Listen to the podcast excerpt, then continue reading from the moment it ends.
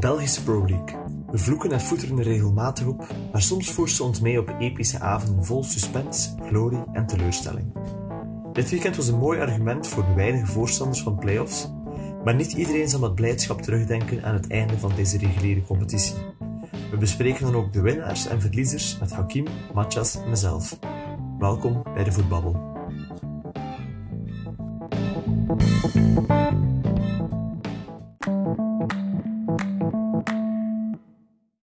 Goedenavond, dag Hakim.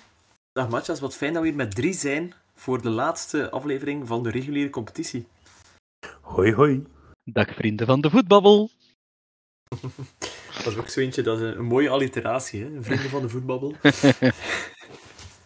Hebben jullie ik begin trouwens altijd met... Het, uh... oh, zeg maar, Karel, sorry, zeg maar. Nee, nee, nee, nee. nee. Be jij begint trouwens altijd met...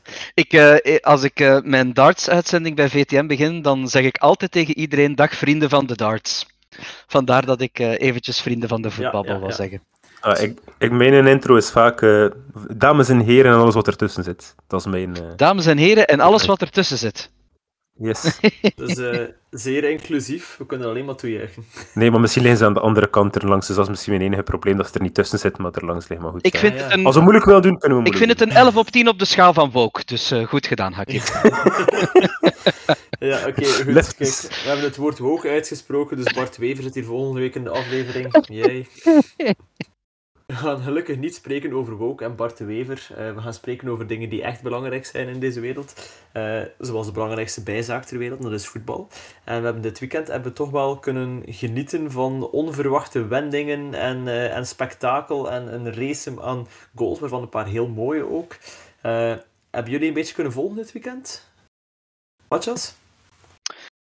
Um, ja, het was nog eens een goede aloude multilife, zoals we dat uh, vorige jaren kenden. En ik vind dat toch wel iets hebben. Hmm. Nostalgie, hè? Ja, toch wel. Hakim, ben jij ook fan van de multilife? Ik heb geen multilife kunnen kijken, jammer genoeg. Ik zat zelf in het stadion. Dus, ja, uh, ja. Ik heb de multilife aan mij voorbij laten gaan. Maar je hebt wel een, eh, een leuke ervaring gehad, want je hebt uh, met op de foto gegaan met uh, onze vriend van de show, Siebe van der Heijden. Niet alleen de vriend van de show, maar de beste shotter in de, in de Pro League. Uh, en, nee, oprecht een van de waarschijnlijk liefste personen. Want hij was de laatste, hij moest op de bus gaan. Hij heeft nog zoveel mensen gegroet die daar zaten te wachten op hem. Um, nam nog de tijd om even een babbeltje te doen over de tactische aanpak. over wat er allemaal speelde bij de jongens en uh, wat hij zelf vond van de wedstrijd. Dus uh, nee, ik vind, ik vind echt altijd al gezegd, en ik ga het altijd blijven zeggen, een hele down-to-earth uh, jonge gast, die weet wat werken is.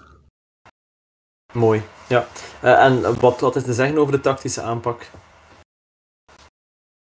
Um, dat, dat, dat hou ik uh, binnenskamers. uh, mijn, mijn eigen analyse was eigenlijk, op het moment dat uh, Union 2 in achter, of tenminste ja, 2 in achter kwam te staan, merkte je eigenlijk dat ze heel snel uh, man op man begonnen te spelen achterin. Mm -hmm. En dat Kortrijk daar eigenlijk gewoon nog de steken liet vallen door net de verkeerde paas, iemand die in buitenspel stond. Maar het was een hele hoge lijn.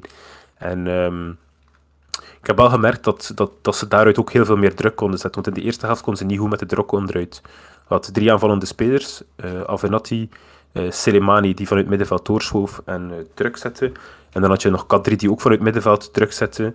Um, dus je zag wel dat er, dat er drang vooruit was. Zelfs de linksback en zo kwam echt heel hoog op. Uh, Christophe Daan in dit geval. kwam heel hoog op om die druk te, te, voeren op uh, op Van der Heijden, op... Ik uh, ben even de naam van de andere centraal verdediger kwijt. Ik ga er wel straks weer op komen. Uh, maar ook zelfs op de doelman. Dat ze echt nog doorging op de doelman. Dus allee, dat, dat was wel duidelijk te zien dat ze hun huiswerk wel gedaan hadden. Maar één keer dat dan Union zich daarop kon gaan aanpassen, ja, dan werden ze heer en meester. Ja, ja, ja. En, en belangrijk ook wel, hè, dat, de, dat ze die nederlaag nog kan, hebben kunnen ombuigen in een overwinning. Want zo komen ze naast Genk terecht, die gelijk speelde met Charleroi. Mathias, is dat, is dat belangrijk in het hoofdje dat je, dat je er nu naast zit? En is dat een, een klap voor Genk? Dat ze niet alleen aan kop aan de play-offs beginnen? Of maakt dat niet veel uit? Oh, goede vraag. Uh, het ding is wel, dat Genk de laatste tijd al iets minder was. En uh, misschien zorgt het voor net dat tikkeltje meer uh, scherpte.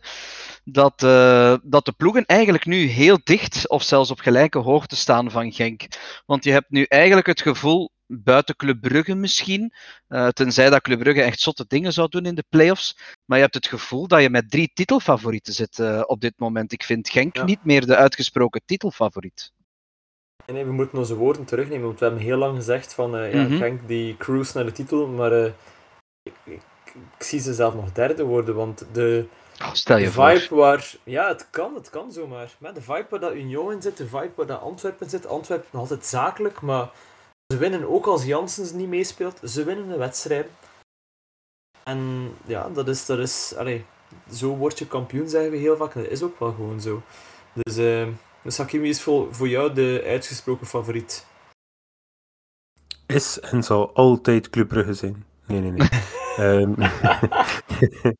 um, tot, tot kort hadden we eigenlijk... Genk heeft eigenlijk een, een, enorme downfall gehad na het WK, ook gewoon in het algemeen. Uh, hun, hun wedstrijden werden minder en minder elke keer, maar ze pakten wel nog altijd die punten en dat was het belangrijkste.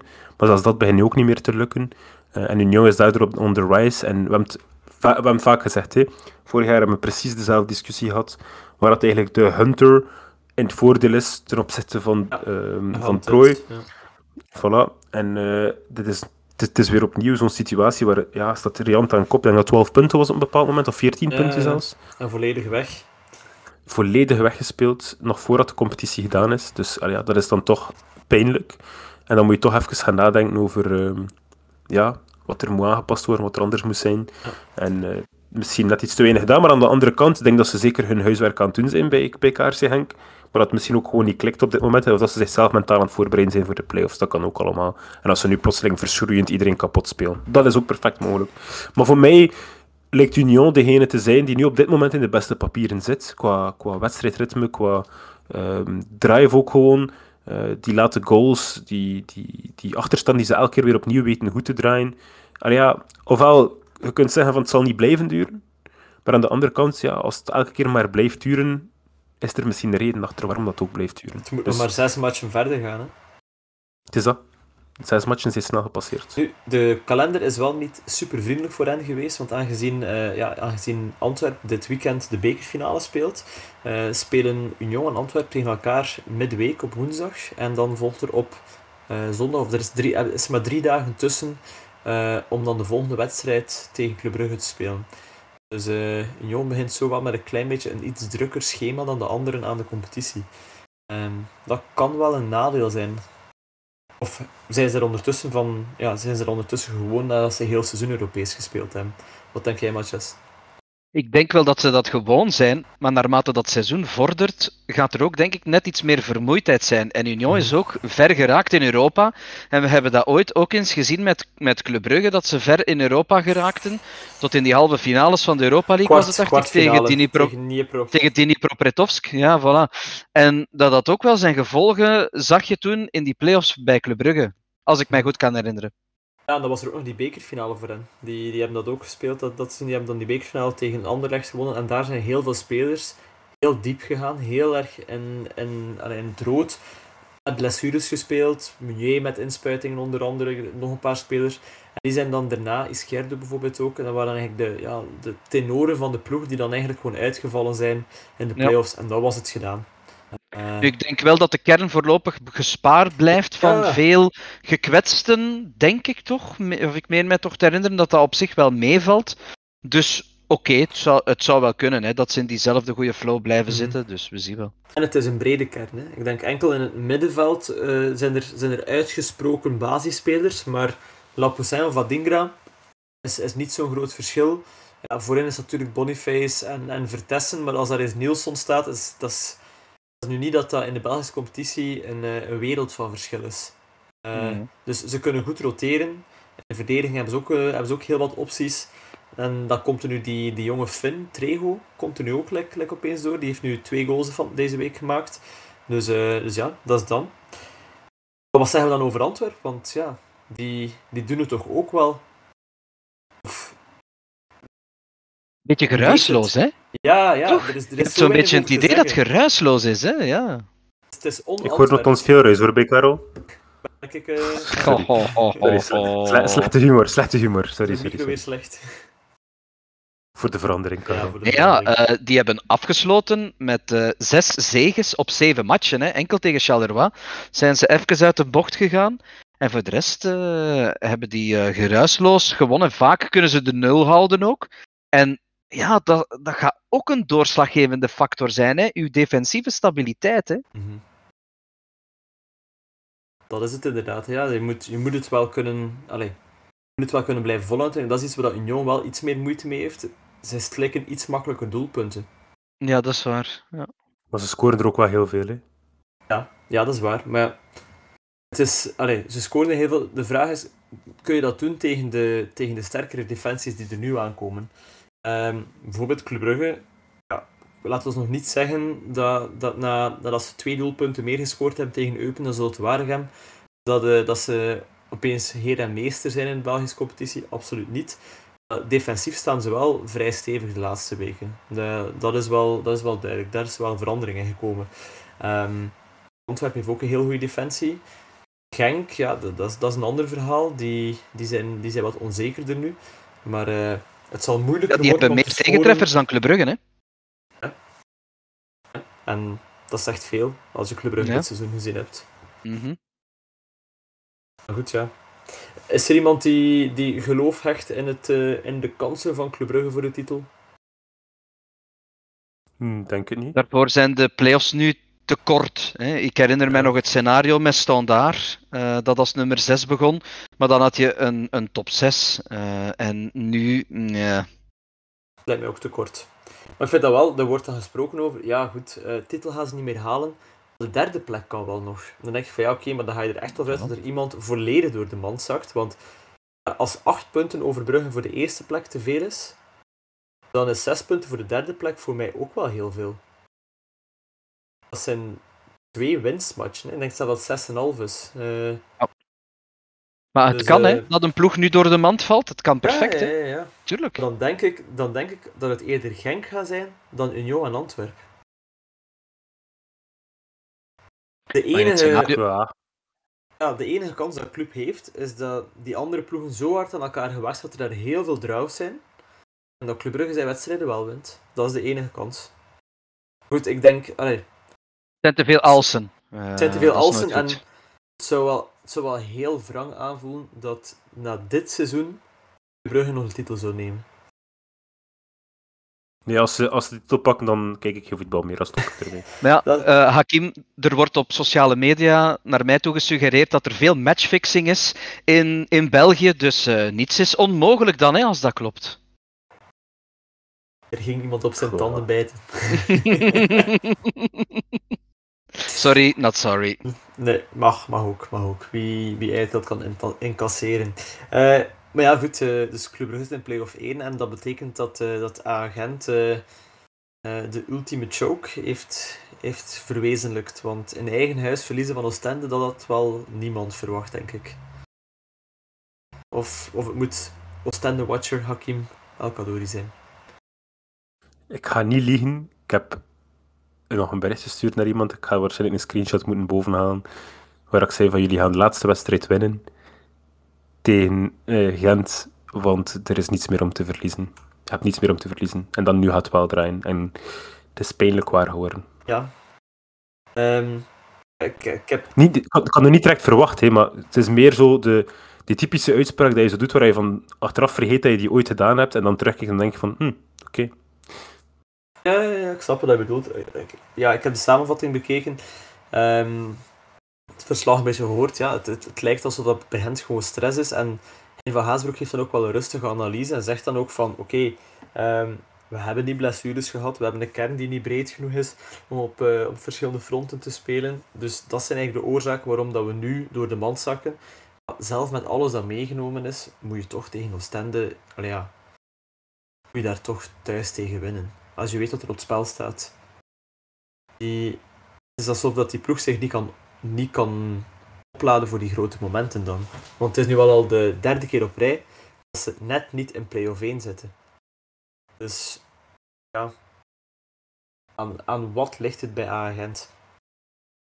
Ja, misschien dat er toch eens een, eh, een kleine opkuis in de kern moet komen. Ga je het volgend jaar nog eens doen met Kums en Ojidja in het middenveld? Ik weet het Ik, niet. ja, ik denk dat ze allemaal Cums een nieuw contract willen geven, maar ik, ik, ik vraag mij af. ehm, Oké, je kan klagen over die kern, je kan klagen dat er te weinig budget is, maar je hebt wel, Hein van Haasbroek zijn, je hebt wel zelf de Poitre teruggehaald, je hebt wel zelf Vadis teruggehaald, je hebt zelf Cums teruggehaald, en oké, één van die drie pakt goed uit. Die pakken alle drie wel een heel groot stuk van je salarisbudget in. En dat kan je niet uitgeven aan andere spelers dan. Dus er zijn spelers gehaald, oude glorieën die teruggehaald zijn voor ervaring, die niet gebracht hebben dat ze moeten brengen. Ja, ik vind dat dat dan nu is dat een beetje een gevolg van uw eigen keuzes. Hè? Ja. Dus. Het is eh, hokken en verliezen, denk ik, Ja. vooral. Goed, ik denk dat het contract van Vadis loopt af, ehm, van Kums loopt af. Ik denk dat de Potter nog één jaar heeft. Maar de Potter heeft nu ook een zware blessure, dus ja, is 34. Ehm, niemand zal het hem kwalijk nemen dat hij, dat hij nog doordoet om te revalideren. En dan volgend jaar stopt op het einde van zijn contract, want ja, hij heeft een, een mooi loon dat hij nog een jaar kan doornemen. Hij kan ook nu stoppen, maar dan, eh, dan mag hij zijn revalidatie op zichzelf betalen. En dat zou natuurlijk ook niet zo fijn zijn, denk ik. Ehm, Hmm. dus er zal wel wat budget vrijkomen, maar, maar bij Gent zullen ze weer moeten eh, verkopen vooraleer dat ze kunnen kopen. En, en zo blijft het wel een, een recurrent verhaal. En terwijl dat ze daarmee bezig zijn, na een stadion en zo, en die opbouwen om een echte topclub te worden, zijn ze links voorbijgestoken door Union en zijn ze rechts voorbijgestoken door Antwerpen. En hebben ze geluk dat Anderlecht en Standaard zo slecht zijn de voorbije jaren, zodat ze niet uit de top 7 vallen ook.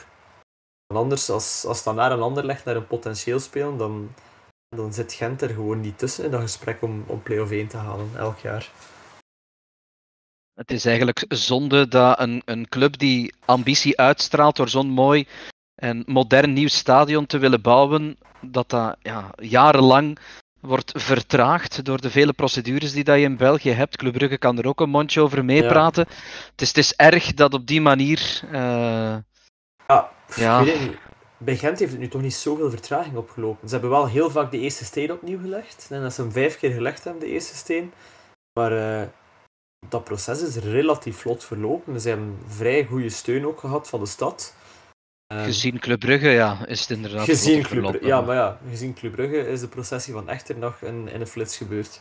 Ehm, dus, allee, ik mag het bijna niet meer vergelijken, maar bij Gent is het proces ongeveer dezelfde looptijd als dat er in Nederland een nieuw stadion wordt gebouwd. Ehm, het is gewoon bij al die andere ploegen in België dat het miserie is. Dus ja, er zijn veel ploegen die, die een nieuw stadion willen bouwen, eh, waar dat het vertraging oploopt. Dus, dus ja, Gent heeft, allee, Gent heeft uiteindelijk al, al, zit al acht of negen jaar in dat nieuwe stadion. Hè.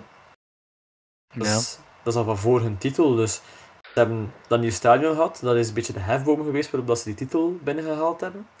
Ehm, dat enthousiasme, die, die heropleving, de komst van Hein van Hazenbroek.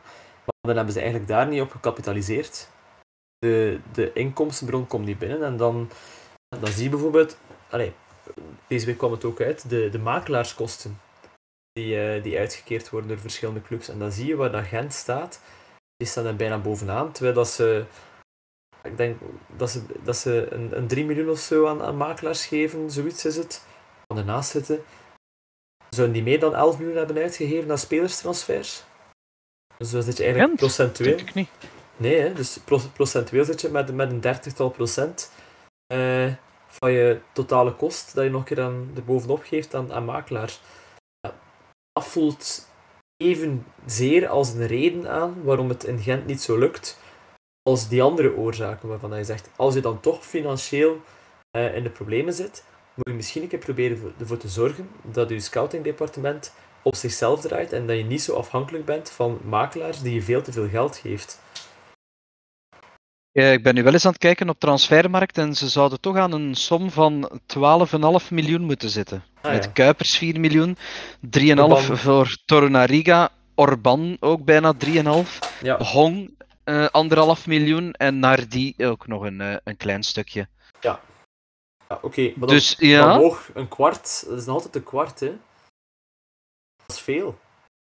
Aan de andere kant hadden ze een tiental miljoen inkomsten. Ja. Bukari, Salah, Hanke Olsen, Bayo.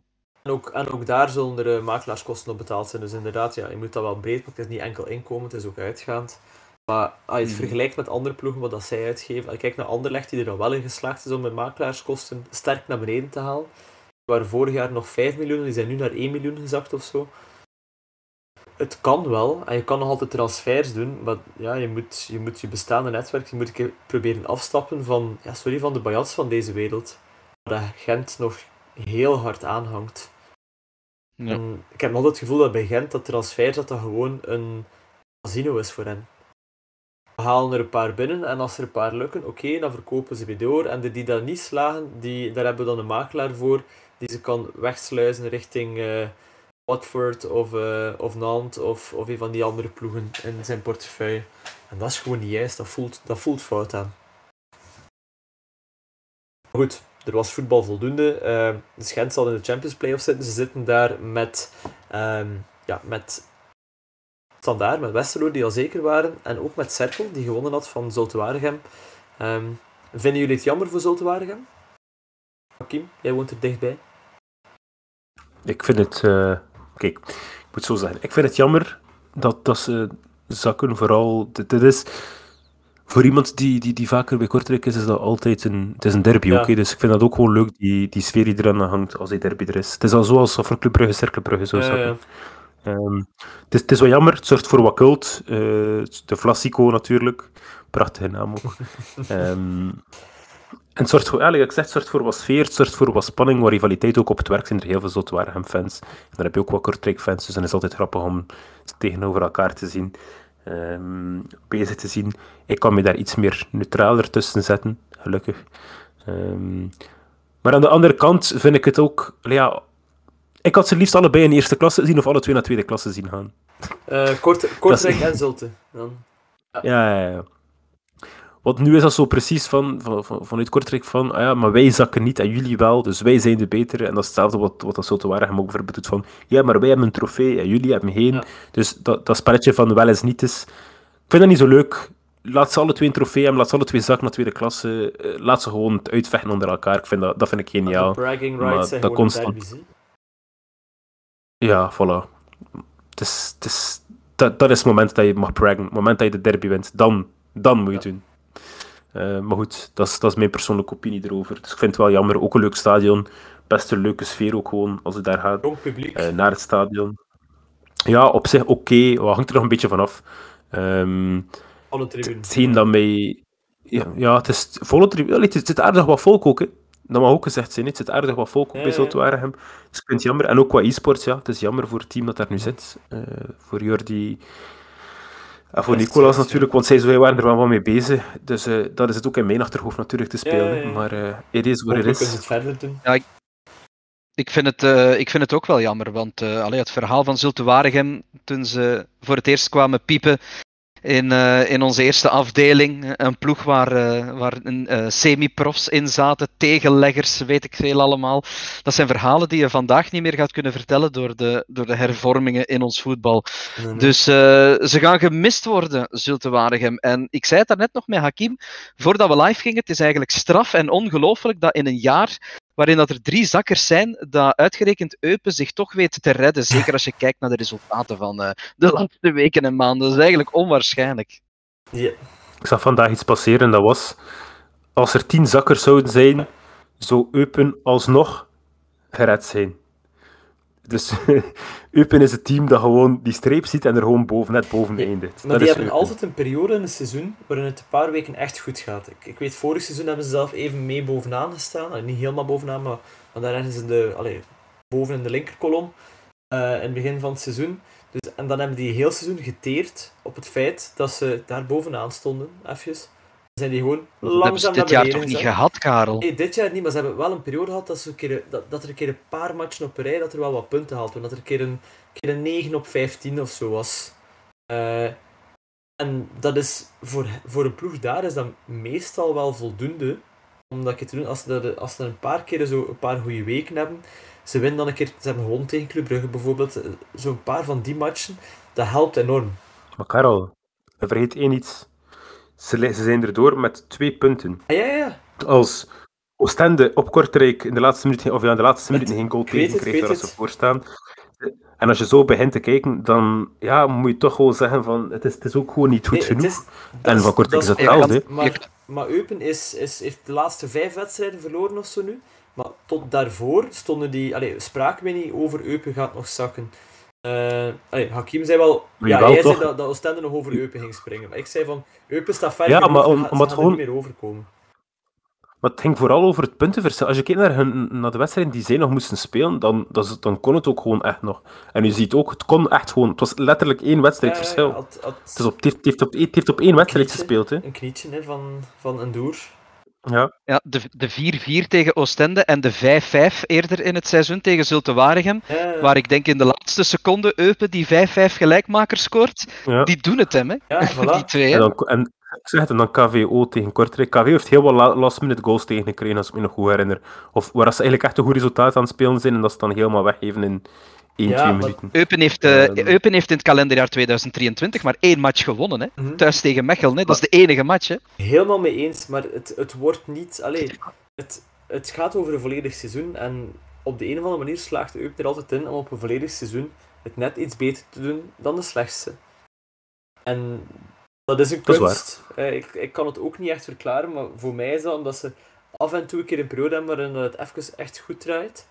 En dan zakken die weer weg. En ja, het is altijd zo net voldoende. Het is zo die ene leerling in de klas die, die overal een, een 5,5 ophaalt. Nee. Not me. Hakim denkt terug aan zijn Nee. glorietijden. Vijf en een half was het nu, vijf en een half was nu niet, maar dat was de dag ervoor nog beginnen om dan uiteindelijk nog Ja, een 7 ja, ja. te krijgen. Goed, nu, allee, Eupen wordt natuurlijk niet meer gesteund nu door, eh, door de Qatari. Eh, het is een eindig verhaal, hè. Op een bepaald moment gaan ze wel Ja, zakken. En zeker met dat we nu, we gaan naar 16 ploegen met drie zakkers. Ik denk niet dat Eupen voor volgend seizoen iets kan doen waardoor dat ze niet bij die zakkers gaan zitten. Jawel. Denk je? We zijn hetzelfde als Westerlo. Dat, dat, dat Westerlo gewoon een prooi is op dit moment voor, eh, voor de kat. We hebben nog gezegd van Beerschot, oké, het is wel eh eerste seizoen niet waar gekomen, maar daarna wel duidelijk pijnlijk waar geworden.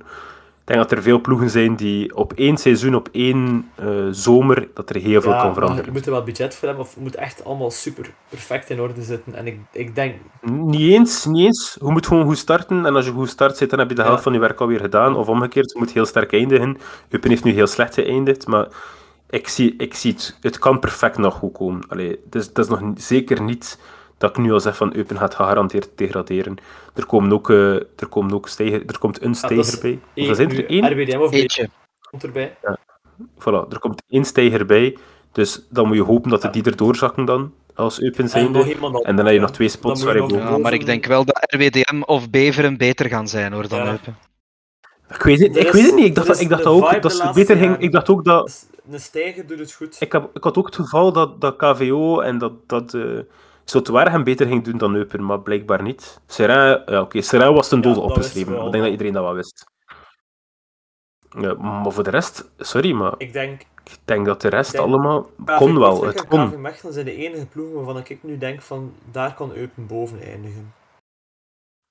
Ja, hoe dat ze nu spelen, maar volgend jaar is dat Ja, weer een heel ander ik- ding. Dus dan, kan het weer helemaal anders zijn. Gewoon. Ik kijk naar de mogelijkheden. En oké, het kan altijd dat het opeens supergoed geraakt, gaat, maar die twee ploegen zijn de enige twee ploegen van ik zeg van die kunnen nog minder investeren, investeren dan Eupen. Of even weinig dan Eupen. En die kern gaat, gaat Ja. daar misschien een beetje allee, gaan moeten verkopen om, om, om, iets, om iets eruit te halen. Eh, natuurlijk bij Eupen, ook niet vergeten, Stef Peters gaat daar weg. Dat is de man, hè. Dat, Dat is was de zo man. belangrijk voor die ploeg. En je haalt geen nieuwe Stef Peters, Eupen zijnde. Nee, nee, Dan gaan onmogelijk. denk, heel Ze moeilijk gaan om misschien. Bruls proberen halen, dat kan. Ehm, en, en zo een beetje proberen. Maar die doet ook niet meer hetzelfde wat dat Stef Peters Nee, doet. Dat, dat is ook al... ja, je, je moet ergens een soort van patroon in die ploeg weer hebben. Hè. Eh, en dat is er nu niet. Hè. Ben ik het niet eens, Je maar... hebt toch, je hebt toch ergens Dus wel... de, de KV Kortrijks van vandaag moeten nu even eh, Stef Peters bellen, hè. Ja, maar eh Ja, Stef eigenlijk wel Peters oprecht, maar vraagt Stef heel Peters veel, Kortrijk gaat heel veel loon, blijkbaar. Dus, eh, dus dat is, dat is, die is niet haalbaar voor de meeste Belgische ploegen op dit moment. Dus als hij zijn looneisen niet laat zakken, dan... dan, ja, dan allee, ik denk dat hij kwalitatief eh, net iets te kort komt voor de ploegen die zijn loon kunnen betalen. Dus dat, dat zal volgens mij zo nog een verhaal zijn dat wel nog allee, tot een stukje in de voorbereiding loopt, denk ik. Kan missen, hè. ik kan morgen al een contract tekenen met een andere ploeg, maar ehm, ik twijfel. Dat zou een leuke transfer zijn voor bij Westerlo of zo. Ja, zeg maar ja die, hebben, die hebben bijvoorbeeld wel geld ervoor, dat kan. En die zullen er ook wel in passen, denk ik. Kijk, eh, vergeet het bijna altijd dat er nog kleine ploegen zijn waar dat er geld schiet erachter zit in België. Goed, eh, ja. Het worden interessante play-offs, denk ik. Zowel de Euro-playoffs als de Champions playoffs. Ehm, we, gaan dat, we gaan dat vol, maar ook in het buitenland zijn er wat zaken gebeurd. We hebben eh, dit weekend Dante van het sportweekend, die terugkwam op, eh, ja, de racisme-rel, de racisme-situatie die, die er was in de wedstrijd van New York Red Bulls tegen de San Jose Earthquakes. En we weten nu het woord dat gezegd is geweest. Hij heeft een, ja, richting een scheidsrechter monkey geroepen. Ehm, ja, dit, dit valt allemaal wat moeilijk te verklaren. Ik weet niet, Hakim, wat, dat wat dat jouw gevoel is als je dan die uitleg hoort. Want jij, jij kent hem misschien wel iets beter dan ons. Goh, ik ken hem niet per se beter. Ik weet dat een beetje. Het is, het is ook. Allee, Dante is een beetje een clown. Dat mag gezegd zijn. Die zegt random ding. eh, die nooit slecht bedoeld zijn, maar die wel een keer kunnen uit context getrokken worden. Ehm, allee, maar als je. allee, dat, is, dat is nu niet. Ik probeer hem echt niet te verdedigen in wat hij gezegd heeft. Maar ik heb wel zoiets van. Oké, als, je het, als je het woord monkey zegt. In de MLS heb je grote kans dat iemand, mee, allee, dat je Ja, iemand voilà. daarmee tegen de, bord, tegen de borst gaat stoten. Ik denk dat dat dan eerder het idee is van het niet er goed over nagedacht, door het te zeggen, maar je zei zelf van dat was gewoon op dat moment tegen in, me- in mezelf was ik dat aan het zeggen eh, over de scheidsrechter. Letterlijke vertaling van een aap. wat dat in het Nederlands Dat een was heel wat connotatie heeft dan in het Engels. Maar zeg dat dan gewoon, Voilà. zeg dan Maar dus- aap in plaats van monkey. Ja, maar aan de andere kant, je zit in de MLS zelf ook, je mag dat niet vergeten, je zit daar, dus je past u, dat is onbewust, maar je past u aan en je, en je gebruikt hun taal, je gebruikt hun, mogelijk, hun woorden Ja. meestal ook, maar op het moment dat je boos wordt, op het moment dat je eh, jezelf slecht of aangedaan voelt, dan ga je terugschakelen naar hetgeen dat je kent. En misschien heeft hij daardoor inderdaad ja, het woord aap willen zeggen, maar dat hij, omdat hij daar zit en dat hij constant in het Engels bezig is, dat het eruit komt als monkey. Dus ik kan enigszins de uitleg begrijpen aan de andere kant. Ik wil het, wil ook wel in een perspectief gaan plaatsen. Ja, er zijn heel veel eh, gekleurde mannen die daar rondlopen. Als ze dat horen, kunnen ze dat in, op dat moment interpreteren als je zegt dat tegen mij omdat ik hier neerleg, of dat tegen mij omdat ik hier... Dus ik snap, ik snap wel wat er, van waar de commotie wat komt. Aan de andere kant, ehm, ja, in België zouden ze er veel op gerold hebben. Ze. Ja, ja, ja. En dat wil ik, daarmee wil ik niet zeggen van, ah ja, omdat dat in België toegestaan is, mag het overal. En, of omdat het in de MLS is, ze, zijn daar, eh, ze hebben daar ze kunnen niet meer tegen een stootje, maar ik heb meer iets van... mee. Ja, ja, dat, dat, dat gaat hem blijven achtervolgen. Dat, dat, Nee, dat nee, ik krijgt hij niet meer weg. neemt, hij neemt die gewoontes van het België neemt hij mee. Ja, oké, dat ook. Ja, dat ook. In België kan je meer doen dan dat je daar kan doen. In de MLS is daar veel straffer op en heb te zien wat voor een backlash dat, dat heeft gecreëerd, wat een reactie van de supporters dat eruit gekomen ook is. Die Ehm, walkout. Dus ja, Dat is pittig. ja, ik zeg het. eh, Ja, dat is helemaal anders eh, dan in Italië. Ja, wel. Ja, maar nu uiteindelijk wel teruggedraaid. Hè. Dus uiteindelijk toch weer teruggedraaid de straf dat hij gekregen heeft. Maar Voor Lukaku, hè. onze verontschuldigingen die zijn er nog niet. Ja, Ja, ja. ja, voor Lukaku. De verontschuldigingen zijn er nog niet, maar je mag wel meedoen tegen maar- Juventus. Maar je moet eens naar de reacties kijken en op sociale media, omdat eh, Ja. Lukaku nog steeds zijn ene gebaar maakt. Mhm. Waar mensen daarop reageren. Dus eh, nee, de boodschap komt nog altijd niet over hoor, blijkbaar dat is voor maar- velen. Het Nee, feit, dat het feit duidelijk dat niet. altijd de, de eerste reactie in Italië bij zoiets is direct het slachtoffer gaan beschimpen, is direct Lukaku een schorsing opleggen. Elke keer opnieuw. Het is altijd het slachtoffer die, die een kaart krijgt, of het slachtoffer die van het veld gestuurd wordt, eh, naar, als hij reageert op racisme. Het is, als ze racisme horen, de scheidsrechters, dan is het niet belangrijk. De wedstrijd moet niet stilgelegd worden. Maar als er iets terugkomt, dan moet, dan, dan moet, er, moet er ingegrepen worden. Dus het gevoel, dus als ze puur uit een, uit een emotie denken, dan is het altijd in Italië dat racisme oké is. Racisme is oké, eh, de reactie op racisme, dat is hetgene dat we willen inperken. We willen niet dat de zwarte spelers zich gaan aanstellen. Dat is het gevoel dat ik heb in het, met het Italiaanse voetbal. En dan ook de bond, ook na een dag. Alleszins- heeft hij op het, eh, op het veld mooi van antwoord gediend. Met twee goals en een assist. Eh, ja, ehm jij, jij zei deze week van, eh, ja, deelde een, een, een, statistiekje. Vijf van de twaalf ploegen in de halve finales van de Europese, eh, van de Europese bekers zijn Italiaanse ploegen. Met eh, de Milaan-ploegen, met Juve, met Fiorentina en met... Help mij. Eh AS AS Roma. AS AS Roma. die Feyenoord uitgeschakeld heeft. Italië domineert Europa, stond er onder die statistiek. Ik ben er niet helemaal akkoord, maar jou om het, eh, om het debat te openen.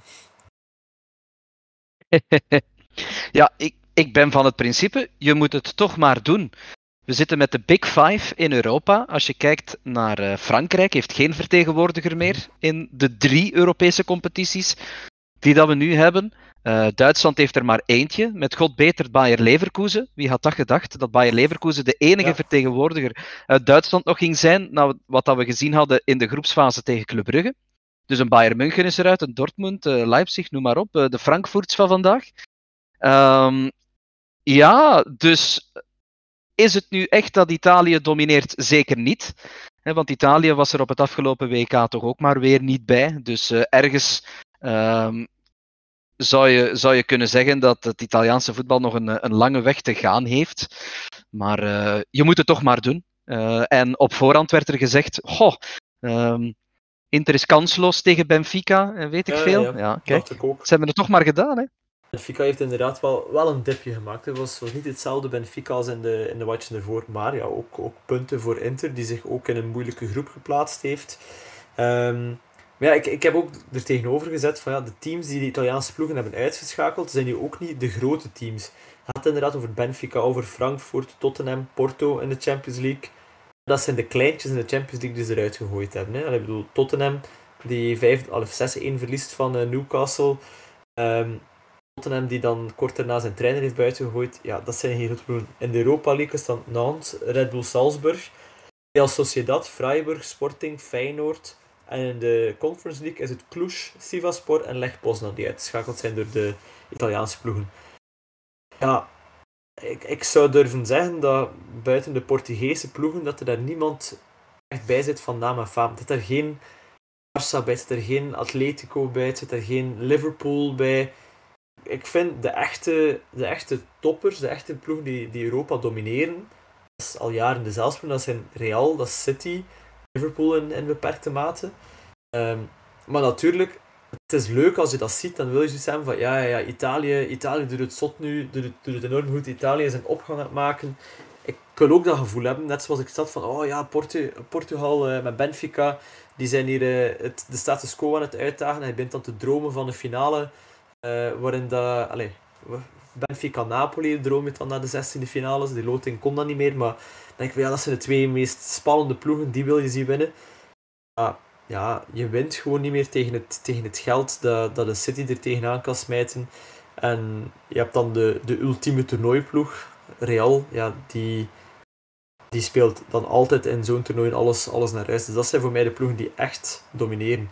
En als we naar landen gaan kijken, dan ja, zijn er zoveel factoren die meespelen dat het moeilijk is om te zeggen dat een land goed of slecht bezig is. Bijvoorbeeld Frankrijk. Nee, maar goed, ehm, er, er, er, wordt, er wordt toch gezegd, Karel, dat de Premier League hè, de Uber-competitie is, Ja. hè, waar al het grote geld zit, waar alle toppers zitten, noem maar op. Ehm, op inderdaad de Barcelona's en de Real Madrid's na en de PSG's. Maar, eh, maar uiteindelijk, als je ziet, ja, de Premier League heeft ook nog maar twee vertegenwoordigers met Man City en God betert eh, West Ham. ja, tuurlijk, tuurlijk. Dus de, de, de, de, de, de, de Man Uniteds, de Liverpools en zo, die, die liggen er ook Mhm. al uit. Hè? Maar ook daar moet je gaan kijken welke ploegen zijn, eh, hebben ze eruit gesmeten. Ja, Man United is, is uitgeschakeld door Sevilla. Dat kan gebeuren. En Man United is een ploeg die hoogtes heeft gekend en laagtes heeft gekend. Dus dat vind ik dat. Liverpool is uitgeschakeld door Real. Dat, is, dat is bijna de logica. Ehm, en welke ploegen waren er dan nog in? Ja, Tottenham is uitgeschakeld door Inter. Eh, ja, dat Tottenham er al in zat is al, is al een beetje vreemd.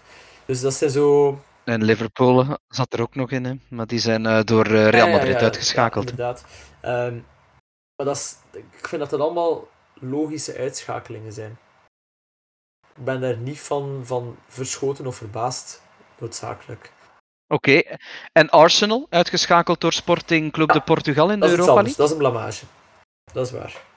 Dus daar kan je zeggen dat, dat de ploegen onder City het dit jaar eigenlijk wel niet zo super goed hebben gedaan. Ik denk dat je kan spreken van Hmm. Liverpool heeft, heeft op zijn niveau gepresteerd in een moeilijk seizoen, eh, maar kon niet veel doen tegen Real. Ehm, maar inderdaad, die andere ploegen hebben, hebben ja, een dominantie of een, of een financiële dominantie niet omgezet in de sportieve wetenschap. Maar bijvoorbeeld, ja, Frankrijk, ja, allez, PSG wordt uitgeschakeld door, ehm, door Bayern. Ja, oké. Dat kan gebeuren. En voor de rest is er in Frankrijk, is er op dit moment, door die dominantie van PSG, zijn er geen andere ploegen die in de schaduw van, van dat grote eh, geld kunnen groeien om ook Europees echt iets voor te stellen. Een Monaco, Marseille, Marseille heeft op zich toch een attractieve ploeg. ja, maar niet om te zeggen dat ze Europees echt iets, eh, echt iets waard zijn. Ah, Jawel. Zij zaten in een poelen in de Champions League met Tottenham, Frankfurt en Sporting Club de Portugal. Daar zou je toch eigenlijk moeten proberen om op zijn minst derde te worden. Eh, ja, tuurlijk. Ik zeg het, maar die, die zaten in, in de makkelijkste poelen.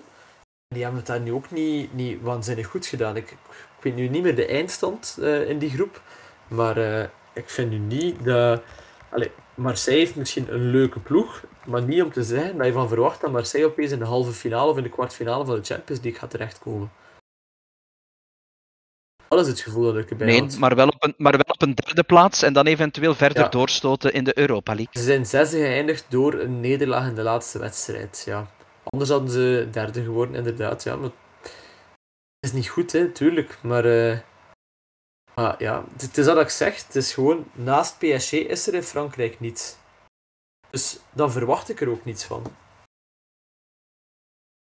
En Jeremy Doku en Arthur Theat zullen daar anders over denken. ja, maar dat zijn leuke spelers. En Ja, Openda. en ik, ik, ik, ik, zie, ik zie Lans graag spelen en zo, maar ik verwacht in Europa verwacht ik niets van die ploegen. Dat is het gewoon. Ik verwacht geen, geen topresultaten, zoals dat ik ook wel eerlijk toegeven. Ik verwacht ook niet dat Milan zo hoog ging komen. Ik verwacht ook niet dat Inter zo hoog ging komen. Napoli, daar dacht ik wel van, oké, ja, die, die hebben een ploeg om, om voor de top mee te spelen.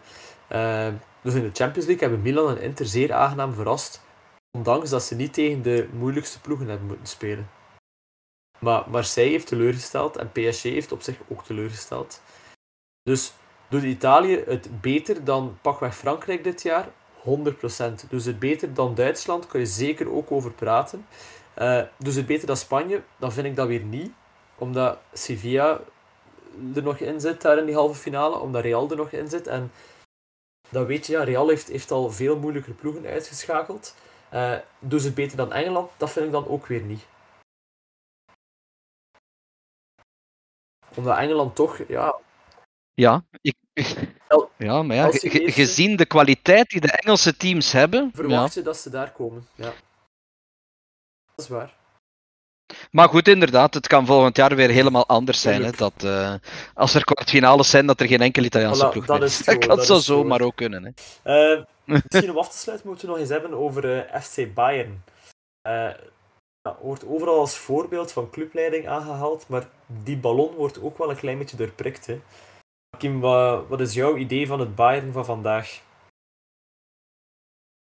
Ja, ze hebben een paar steken laten vallen, Ja. kort na elkaar. Ik denk dat vooral. Een beetje zo'n soort cascade. Eh, ze waren goed bezig. Ja, en dat er gewoon slechte keuze na slechte keuze kwam daarna. Ja, de slechtste keuze is dan Nagelsman wegdoen. Ja, nee. Aan de ene kant snap ik waarom dat je hem wegdoet, omdat je dan nog altijd bang bent voor dat lek eh, met beeld natuurlijk, want daar ging het om. Hè. Dat zijn vrouw eh, informatie of zijn vriendin informatie doorgaf aan beeld, ehm, waardoor dat Nagelsman uiteindelijk zijn job verloren heeft, omdat er geen beroepsgeheim meer zou kunnen zijn, omdat er verhalen lekten in de krant. Dat was het Ja. idee erachter. Ehm, dus ja, wat doe je daarmee? Zeg je dan van, je mag niet meer praten met je vrouw? Maar ja, Ja, er zijn snap je altijd dus? sorry, maar, maar er komt altijd dingen naar buiten. Nee, maar dat is Ja, wel een direct ja. lek. Dat, is- dit vind ik kunnen Dat anders. was ook niet het enige, hè? Dus er waren andere redenen waarom dat ze hem hem wilden wegdoen. Omdat ze, maar volgens, voor mij voelde het aan dat ze gewoon bang werden dat ze de titel gingen verspelen. Dat ze shock-effect wouden. omdat, omdat Dortmund aan het opkomen was, omdat Leipzig aan het opkomen was, hadden ze een shock-effect en dan hebben ze hem gewoon weggedaan en dan hebben ze iets gehad van oké, we gaan er wel 30 miljoen voor betalen voor hem weg te doen. En ik vind dat Ja, en, Dom. en, Ja. dat, en en dat in de combinatie met dat, dat dus Tuchel vrijkwam op de markt en dat zij in de bestuurskamer van oordeel waren als er één iemand is die ons in de kwartfinales voorbij Man City zou kunnen loodsen, dan is het een Thomas Tuchel wel. Maar eh, ik vind, dat is eh, dat zo raar. jammer genoeg niet zo gebleken. Die erom gekend staat om altijd zo slim te zijn in zijn transfers en financieel zo nuchter te zijn. Lewandowski gratis halen. Sané hebben ze ook heel goedkoop gehaald. eh Mané ook, ook allemaal. Allee, ze, hebben- ze, ze geven nooit waanzinnig grote bedragen uit voor spelers. Of het moet dan zijn Lucas Hernandez. Die ploeg dan net zegt van oké, we gaan een keer een gokje wagen van 30 miljoen euro om onze trainer te wisselen om misschien te kunnen winnen tegen de ploeg van Haaland. En Pep Guardiola. Dat lijkt mij, dat, dat is toch geen rationele beslissing, dat is toch puur emotioneel. Ja. Ja, dat is een emotionele beslissing, maar er is denk ik die keuze om dan ook Tuchel gewoon weer terug te halen, die keuze is nog eens apart, want je hebt in één de keuze om van uw, van uw coach, huidige coach af te stappen, je hebt in twee de keuze om Tuchel te halen als opvolger, je hebt als drie om die keuze te doen op het moment waarop je het gedaan hebt. Ja. Dat zijn drie keuzes die je daar maakt. Dus eigenlijk maak je daar drie Ja, verkeerde ze alle keuzes. drie verkeerd. En dat... Ik vind Nagelsman kan ik enigszins inkomen, dus, maar ik vind het nog te verkeerde keuze, omdat er kunnen een andere oplossing daarvoor zijn, of er moet gekeken worden naar een andere oplossing daarvoor. De aanstelling van Tuchel vind ik verkeerd voor Bayern, en ik vind de, het moment helemaal verkeerd. Dat is mijn persoonlijke opinie. Wat dat Oliver Kahn zei was, eh, dat natuurlijk ging over dat Nagelsman op dat moment niet bezig was met, of niet, niet eh, de lange termijnsdoelen zou halen die vooropgesteld werden.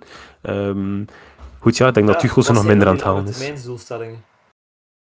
Dat is niet Dat een lange termijn doelstelling, is niet haal heb, de eh, titel of, of win de Champions League dit jaar. Hè. Dat is een korte termijn doelstelling. Voilà, dus ik, ik weet niet wat dat de lange termijn doelstellingen zijn voor hen, maar eh, dat was hetgeen dat eh, Oliver Kahn als het dan gaat dus, eh, over dat ja. ze bijvoorbeeld... Een... We zouden Ja, zeg maar, eigenlijk, zeg maar, Matjes. we zouden eigenlijk eh, Brian van Coolcast moeten bellen als het over long-term vision gaat. Is hij, is hij de man ervoor? Ja, voilà. En met zijn, zijn, zijn hele slogan oké. is long-term vision. hè. Ja, daarom. daarom. Ja, is Ehm, te en eh, hij zei ook dat de Oost Oost Oostendepunten zou pakken tegen eh, Voilà. Gent. Dat was ook Ik had zijn het gezien. hot take. Eh, ik, ik volg hem Ja, volledig. gezien. Je moet op de lange termijn denken. Dat, dat is gewoon zo. Negeer wat er dit seizoen gebeurt. Ik denk ook, als we nu even teruggaan naar de Belgische competitie, Zulte Waregem, oké, ja, dat die zakken, ça va. Zet er maar je geld op in. Dat is een ploeg die vrij snel terug gaat staan. Die hebben gewoon de omkadering, die hebben de structuur om een eerste klasse ploeg te zijn. Dat is waarom dat ik van zeg van Eupen, Eupen heeft niet meer die structuur, die gaan eruit. Ja, ik vind ook Bayern, eh, sorry, maar die schiet nu in een kramp voor mij, is dat omdat ze denken dat ze titelen gaan verliezen. Ja, who cares dat je een keer één titel verliest? Het is beter voor je ploeg zelf. Het is beter voor Bayern dat ze af en toe een keer de titel niet pakken. Zodat er een beetje spanning in de competitie zit, zodat andere ploegen ook erbij komen. Je verliest er geen Champions League plek door, want de tweede wordt ook nog, eh allee, gaat ook nog naar de Champions League. Laat dat maar een keer gebeuren. Maakt echt niet uit. Je gaat er echt niet, allee, je gaat er echt niet, eh, niet, niet slechter van slapen. Dus eh, ja, ik, ik gun het natuurlijk Dortmund. Ik heb, er een, ik heb er voorliefde voor. Ben ook heel blij dat ze dit weekend niet gechoked hebben, zoals het weekend ervoor. Ehm, dus ik hoop dat ze het volhouden. Ik hoop echt dat ze het volhouden. Ik hoop dat Tuchel ook nog eventjes blijft aanmodderen. Ehm, ook weinig sympathie. Allee, ik vind nu wel Tuchel bij, ehm, bij Bayern, dat past wel. Ik vind dat die alle twee... allee, ze zijn, Ah, nee, ik vind zijn- dat niet. ik vind ze alle twee Ik vind dat ook niet. goed. Nee. En, en wat dat ze doen is, is indrukwekkend. Ik vind ze alle twee niet sympathiek. Ik vind Bayern geen sympathieke ploeg en ik vind Tuchel geen sympathieke man. Dat vind ik ook, maar ik heb wel zoiets dat ik vind het wel niet passen bij elkaar. Maar met, onder Guardiola en onder Flick werd er toch echt leuk, attractief voetbal gebracht. Je mag van de club denken wat dat je wilt, dat maakt mij niet uit. Maar het voetbal dat ze de voor, onder de vorige coaches gebracht hebben, was, was leuk en attractief. En nu gaan ze daar ehm, naar het einde van het seizoen toe een volledige stijlbreuk mee doen met Tuchel. Terwijl dat er andere coaches zijn waarvan ik denk die misschien toch beter bij Bayern zouden kunnen. Wat is er mis met een Luis Enrique bijvoorbeeld? Eh, Spaans. Ja, en Guardiola niet. Ja, Guard- het is daarom dat Guardiola ook niet meer geen trainer is meer van, eh, van Bayern. Nee, ja, die is naar City Ja, gegaan. Ja. Dat was gewoon... Ja, voilà. Dus dan, dan dachten ze van geen, geen Spanjaard meer.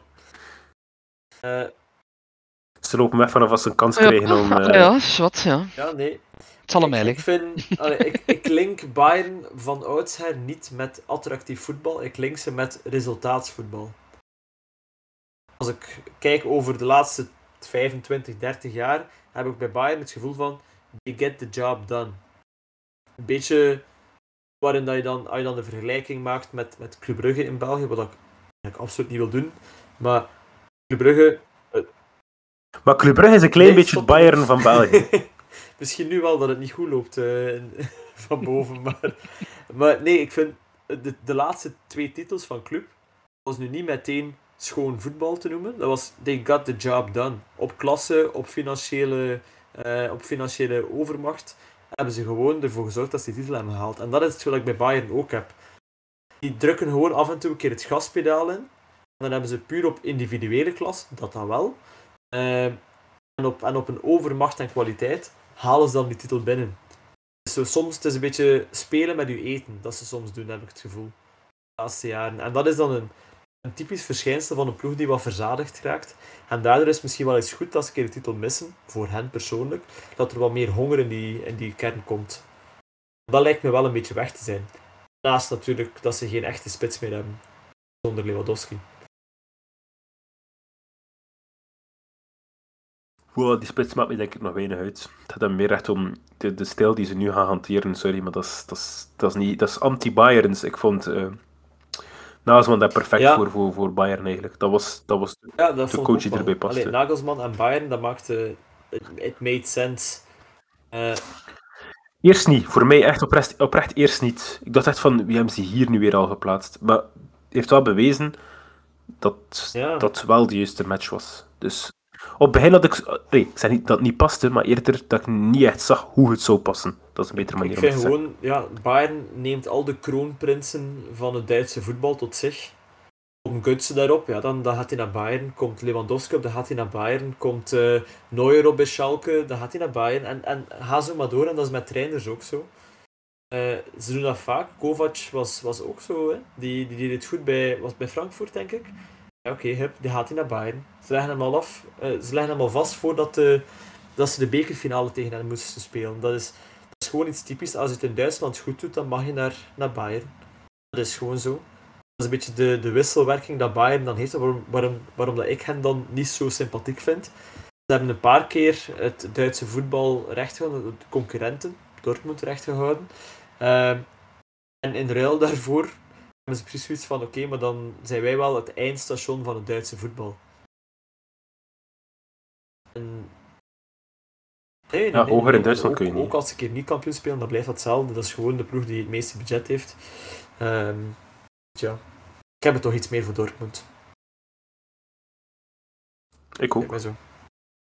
En Siebe van der Heijden gaat ook. vaak gaan kijken, zeker ook, hè, als ze kan. Ja, gaat, gaat wel een keer Voilà. naar de wedstrijd. Ja, en...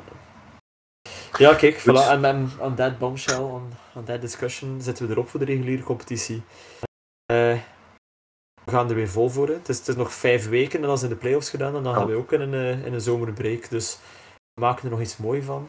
Eh, Het extra tijd eerst nog in. Ja, volgend ook Ah, de, ja, de ja, play-offs. ja, ja, de extra dat tijd. We gaan ervoor. Kijk, we zien elkaar volgende week terug. Eh, dank om erbij te zijn. En eh, ook dank aan de luisteraars om, om weer een, een uurtje mee te gaan met ons in onze gekke gedachten over voetbal. Tjas, Die Hakim. zijn dat. Eh, ja. Oké, goed. Hey, nog een fijne dag, avond, nacht, ochtend, whenever, whatever, whenever we meant to be together. Sorry. Eh. ja, we moeten afsluiten. We moeten echt afsluiten. Ik hou het gewoon bij Tjaukes Bikers iedereen. Bye bye. Maaikes.